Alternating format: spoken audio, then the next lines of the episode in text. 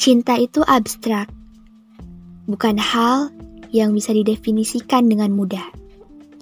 Cinta bisa berlabuh kapan pun dan di mana pun. Lalu, apakah bisa cinta berlabuh pada dua orang yang tidak pernah saling bertemu dalam kehidupan nyata? Apakah bisa kita menyebutnya cinta? Ya jawabannya adalah mungkin. Ya mungkin. Karena tidak ada yang tidak bisa jika kaitannya soal cinta. Aku setuju dengan Boy Chandra.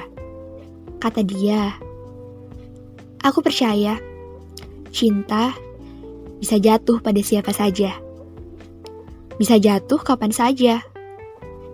Bukankah cinta memiliki banyak dimensi untuk jatuh? Orang yang tidak mungkin jatuh cinta adalah dua orang yang tidak pernah saling kenal, bukan dua orang yang tidak pernah saling bertemu. Perihal belum pernah bertemu, itu bukan satu alasan, karena aku termasuk orang yang percaya bahwa cinta bisa jatuh melalui banyak dimensi. Setiap orang itu bebas mengartikan cintanya masing-masing. Jadi, tidak ada alasan untuk kita saling menentang satu sama lain.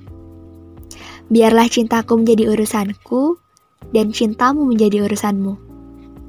Ya kecuali kalau kita berdua saling mencintai, ya jadi urusan bersama dong.